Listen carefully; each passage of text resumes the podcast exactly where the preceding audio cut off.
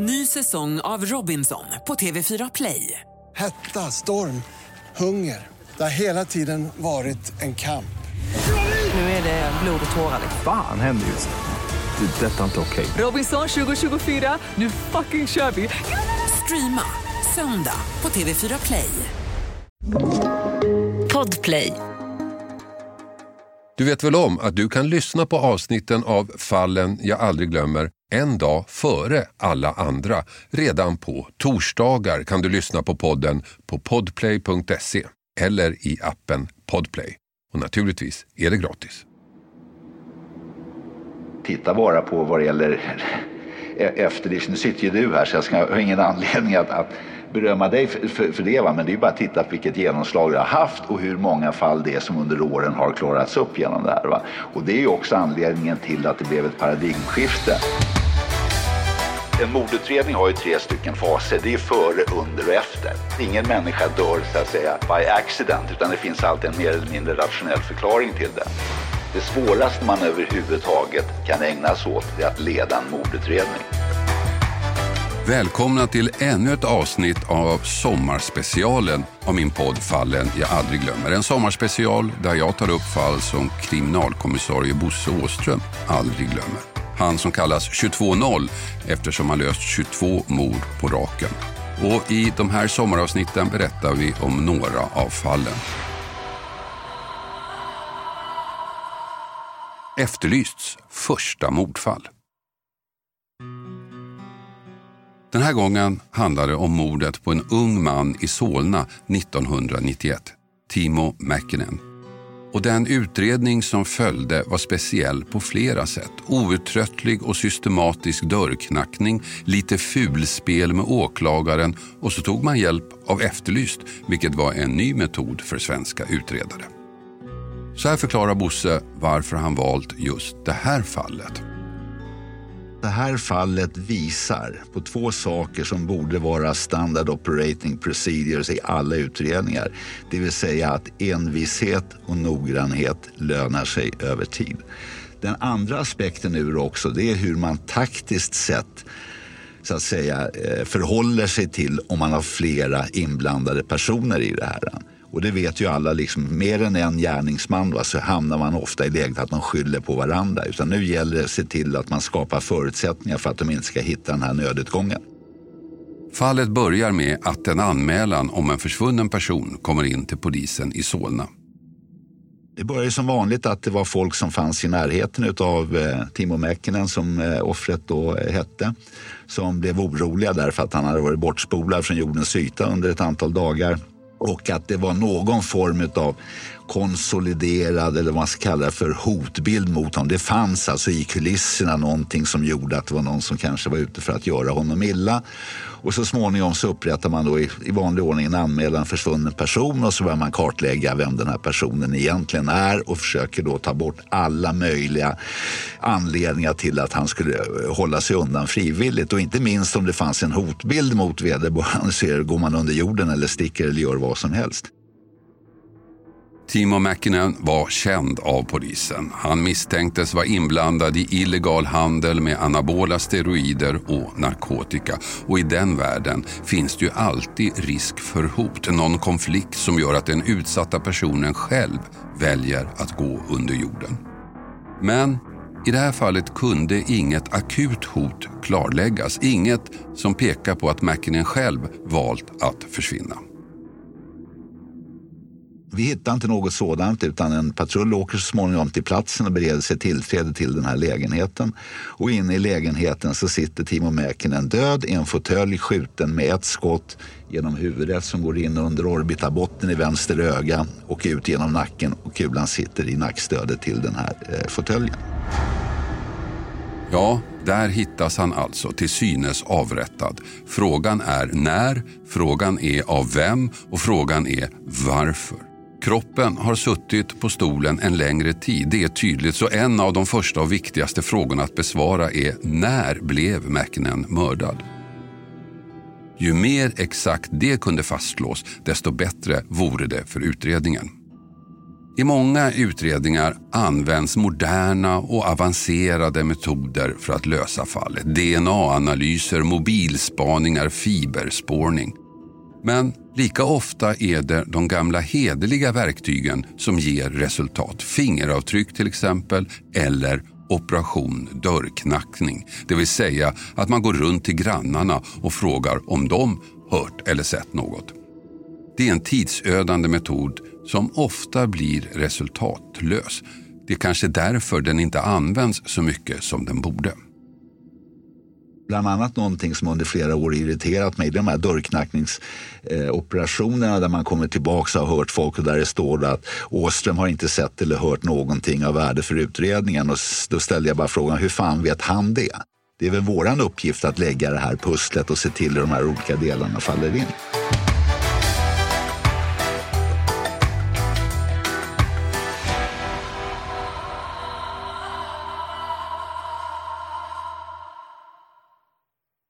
Den här veckan har vi ett betalt samarbete med Tre, ni vet teleoperatören.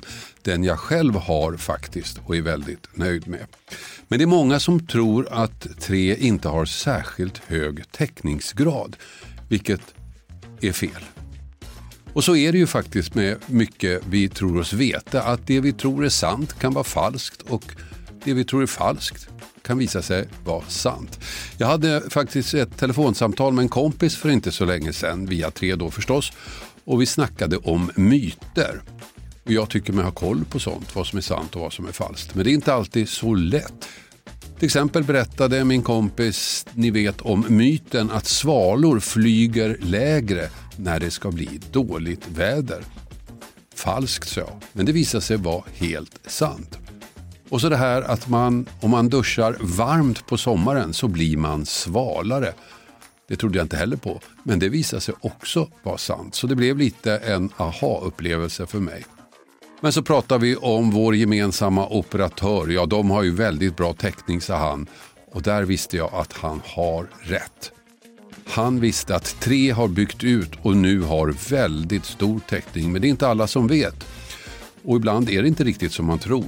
Sanningen är att tre nu täcker otroliga 99,3 procent av Sveriges befolkning och det avser rösttäckning baserat på folkbokföringsadress. Så läs mer på 3.se om hur de bygger ut sitt nät och täckning. Tack 3. Den här veckan har vi ett betalt samarbete med Hello Fresh, världens ledande leverantör av matkassar hem till dig. Kassar som ger dig en enklare vardag och massa matglädje på det. Nu kan du som lyssnar få extra bra pris. Med koden FRESHFALLEN kan du få upp till 1359 kronors rabatt. Jag har testat flera matkassar och det är två saker som jag tycker gör Hello Fresh extra bra. Dels förstås att jag slipper planera mat varje dag. Menyerna finns redan där.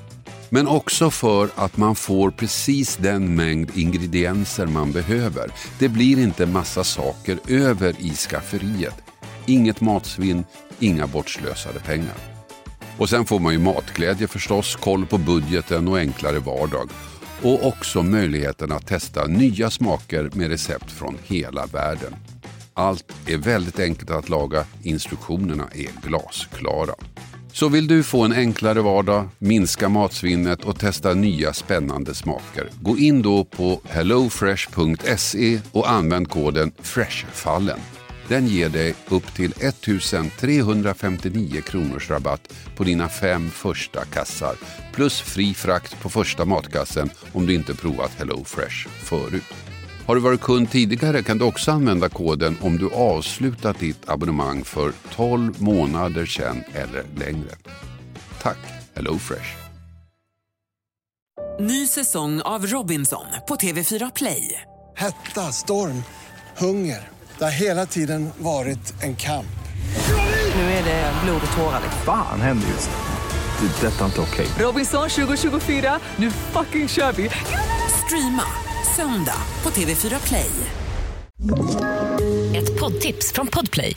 I podden Något Kaiko garanterar östgötarna Brutti och jag, Davva, dig en stor dos skratt. Där följer jag pladask för köttätandet igen. Man är lite som en jävla vampyr. Man har fått lite blodsmak och då måste man ha mer. Udda spaningar, fängslande anekdoter och en och annan arg rant. Jag måste ha mitt kaffe på morgonen för annars är jag ingen trevlig människa. Då är du ingen trevlig människa, punkt. Något Kaiko, hör du på Podplay. Därför är gardinerna.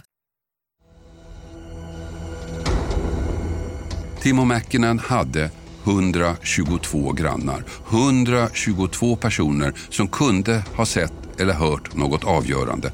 122 personer som ska sökas upp och pratas med. En ganska tidsödande åtgärd. En åtgärd som skulle ta flera dagar. Efter första dagen då hade gjort en massiv insats i området och då kommer de tillbaka och säger att men fan Bosse, det här leder ju ingenstans. Alltså vi har hört 60 personer, ingenting har någonting att komma med. Även om vi har gjort de här förhören on the book. Och då sa jag, det är bra, då är det liksom bara 62 kvar. Andra dagen blir inte bättre. Och så dag två kommer de tillbaka, 30 nya hörda. Samma resultat som föregående dag. Så jag, det är bra, då är det liksom bara 32 kvar att höra.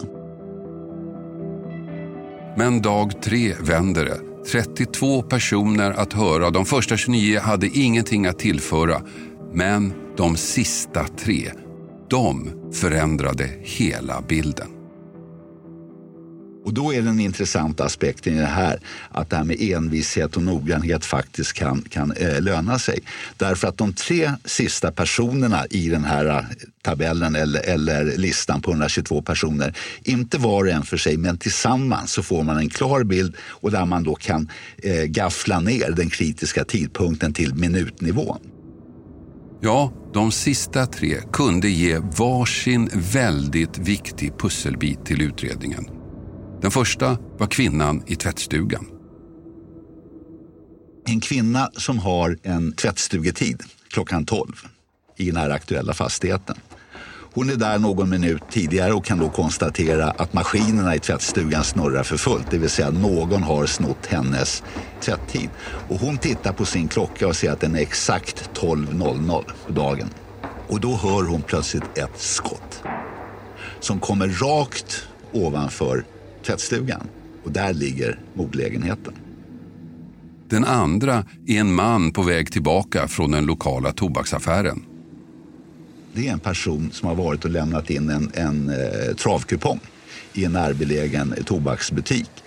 Och när han är på väg tillbaka till sin lägenhet på eh, skidbacken så ser han hur det kommer en grön Volvo 145 kombi, eh, finskregistrerad inkörd utanför den aktuella adressen. Ur den här bilen kliver tre stycken personer som är beskrivna i ja, ganska detaljrikt plus en dobermannpinscher. Och de går in i den aktuella porten. Och så till sist granne nummer tre, en man som ska parkera sin bil. Det kommer en person till parkeringen utanför den aktuella adressen och parkerar sin bil och går fram till parkeringsautomaten och börjar betala sin parkeringsavgift. Och då ser han plötsligt hur det kommer tre stycken personer och en dobermannpinscher utspringande från den aktuella porten, hoppar in i den finskregistrerade gröna Volvon och kör åt fel håll i garaget. Det vill säga de hade inte någon större lokalkännedom om var de egentligen befann sig eller var i någon form av affekt eller liknande.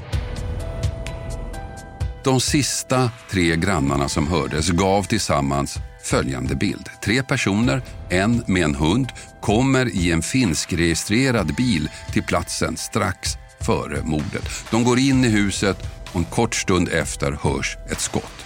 Sen syns de tre komma springande ut igen, hoppar in i bilen och kör liksom i affekt därifrån. Och samtidigt med dörrknackningarna så pågår de inre spaningarna, nämligen att kartlägga Timo Mäkinens liv. Och ganska snart kommer det fram till att två nära vänner till honom valt att sticka till Norrland precis efter att de fått höra vad som hade hänt med Mäkinen. Två vänner som anar att de kunde stå på tur för nästa attack. Så när polisen pratar med dem har de allt att vinna på att berätta vad de vet. Nämligen att två personer var i konflikt med Timo Mäkinen. Två våldsbenägna finländare. Intressant med tanke på den finskregistrerade bilen. Bilen var fortfarande borta. Då beslutade sig Bosse att göra något som inte var helt självklart på den tiden. Det fanns nämligen ett nytt tv-program, Efterlyst, som hade sänts ett år ungefär. Kanske de kunde hjälpa till var det någon annan som hade gjort iakttagelser av den här bilen. Till exempel hur länge den hade uppehållit sig i området, om det var på det sättet att de inte var helt bekanta med vad det gäller platsen då, som konstitueras av att de åkte åt fel håll inledningsvis när de skulle lämna den här platsen. Så kan de ha snurrat i närområdet ett tag och eh, en finskregistrerad ganska skraltig eh, Volvo 145 liksom, det skulle väl vara i ögonenfallande i någon, eh, någon mening. Och därför så bestämde vi oss bara för att få ett bredare eventuellt vittnesunderlag så vände vi oss till Efterlyst och där de här uppgifterna sedermera gick ut. Mm. Efterlyst var lite kontroversiellt inom poliskåren på den tiden. Ja. Det var inte alldeles självklart att utredare ringde redaktionen. Nej, det är alldeles riktigt. Men å andra sidan, jag har aldrig haft några sådana betänkligheter utan jag har använt alla till budstående medel för att nå fram till, till ett gott resultat. Och jag menar, det måste jag säga, vi var nog föregångare där också som banade vägen. Till saken hör ju det att presentationen av ärendet fick ju ett genomslag att vi fick in andra tips som inte hade med bilen att göra utan mer av de inblandade personerna som i viss mån var till, till nytta för utredningen. Men den här bilen återfanns aldrig.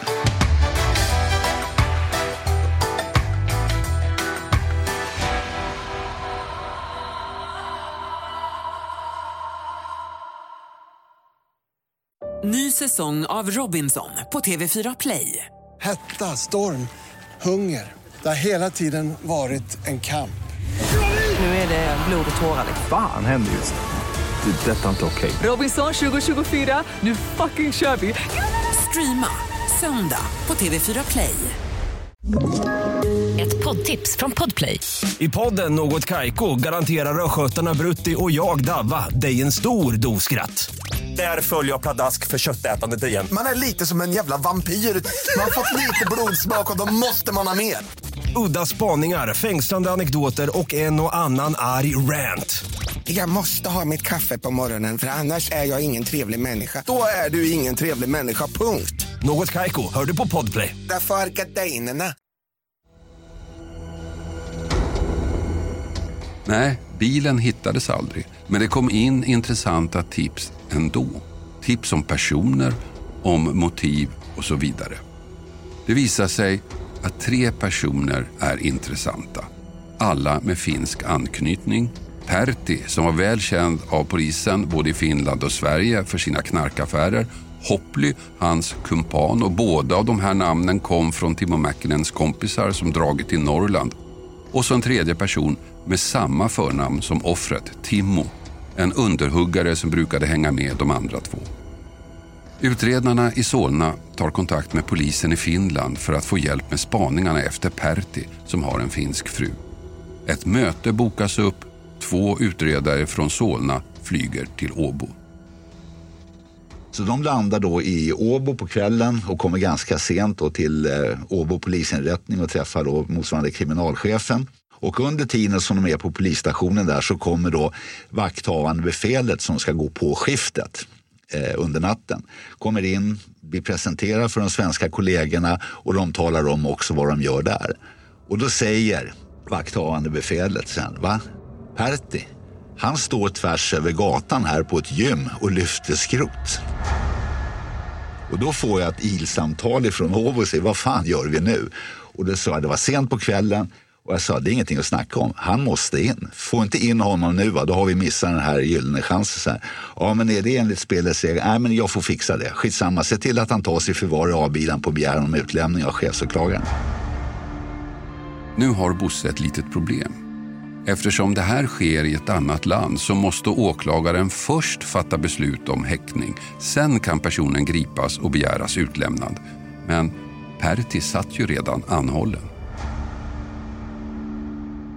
Och den natten så gick jag liksom och vankade som en äggsjuk höna och sa okej, okay, hur fan ska jag presentera det här egentligen? Så tidigt på morgonen eh, så ringer jag chefsåklagaren som jag kände väl och eh, börjar inte i den änden att Pertti sitter i, i eh, häkte i Åbo utan jag, jag säger till honom så här, men eh, jag har gått igenom hela den här bevisningen under natten emot de här tre personerna och så presenterar jag det steg för steg för honom och då säger han till mig så här, ja men det är bra Bosse, jag går in direkt och begär dem häktade i sin, sin eh, utevaro. Och då säger jag, skitbra Sven, för han sitter redan i rannsakningshäkte i, i, i Åbo i avvaktan på din eh, begäran om, om, om utlämning. Och då säger Sven till mig, alltså, din lilla rackare. Och så lägger han, äh, lägger han på eh, luren. Det går hem. Pertti och de andra två blir häktade i sin utevaro misstänkta för att ha mördat Timo Mäkinen och de blir utlämnade till Sverige. Nu börjar nästa utmaning för utredarna. Hur ska man klara ut exakt vad som har hänt och vem som har gjort vad? Kriminella typer brukar sällan vara särskilt villiga att samarbeta. Men i den här gruppen av tre personer så var det en som stack ut. Nämligen han som hette Timmo inte särskilt brottserfaren, ung, osäker, späd. Han var den svaga länken här. Han var det som man säger på engelska less guilty. Och det är där vi nu ska sätta in stöten för att han ska förstå allvaret, att han sitter också misstänkt för vad det gäller delaktighet i, i, i det här mordet. Då är det på det sättet att han inte hade en jävla susning om vad som skulle ske i den här lägenheten eller varför man egentligen var där. Utan han hamnade bara vid fel sällskap, fel tidpunkt. Då låg det i hans intresse att berätta eh, hur det låg till. Och jag åker själv upp till Österåker. Jag håller förhör med honom och jag förklarar det här för honom i, i detalj. Att nu ligger det faktiskt i ditt intresse att berätta hur det här egentligen gick till och lämna sådana detaljer så att vi kan korroborera eller kolla det mot andra uppgifter som vi har i utredningen. Och då begär den här eh, Timo då, då begär han att han ska få ett enskilt samtal med sin försvarare som är närvarande vid förhöret. Och jag lämnar rummet, kommer tillbaks efter kanske 10-15 minuter eller liknande och då ligger hela storyn platt på bordet. Ja, taktiken lyckas. Timo berättar hela historien, vad som hände och vem som gjorde vad. Det som hände där inne som de eh, berättar och det här är ju baserat på att Timo, han vet ingenting. Han blir förvånad, han blir närmast chockad när plötsligt ett vapen dyker upp. Och sen säger det bara pang och sen flyr de hals över huvudet. Och det som vi hittade i lägenheten av intresse också, det var ju hundhår ifrån vad det gäller den här eh, eh dobermannen. Så att de flyr hals över huvud. Och eh, Hopply han säger att syftet med att besöka Timo Mäkinens eh, lägenhet det var en ouppklarad affär som han inte ville gå in närmare på av förklarliga skäl. Det är inte alldeles ovanligt. Och att syftet hade varit att hota skiten ur honom och se till att det skulle levereras eller att han skulle göra rätt för sig. Och sen plötsligt så brinner det här skottet av. Och ovetandes om att polisen redan fått alla fakta av Timo berättar en av de andra, nämligen Hopply, exakt samma historia. Två av varandra oberoende vittnen pekar alltså ut Pertti som den skyldiga. Det räckte för domstolen som dömde Pertti till 18 års fängelse för dråp. Ett av de första mordfallen där vi på Efterlyst alltså bidrog till utredningen. Då ganska ovanligt. Utredare hade kanske inte riktigt förstått potentialen hos programmet. Men Bosse tvekade inte och tiden gav honom rätt, tycker han. Titta bara på vad det gäller E- efter efterlyst. Nu sitter ju du här så jag ska, har ingen anledning att, att berömma dig för, för, för det. Va? Men det är bara att titta på vilket genomslag det har haft och hur många fall det är som under åren har klarats upp genom det här. Va? Och det är ju också anledningen till att det blev ett paradigmskifte i vad det gäller synen på vad det gäller Efterlyst och framförallt polisers medverkan där som eh, tipsmottagare och som experter och ja, du vet själv hela det, hela det paketet. Det här var fjärde avsnittet av sommarspecialen av min podd Fallen jag aldrig glömmer. Hasse och Bosse snackar mord. I nästa avsnitt ska vi prata om fallet som fick Bosse att gråta. Men också om fallet han inte löste. Vi hörs!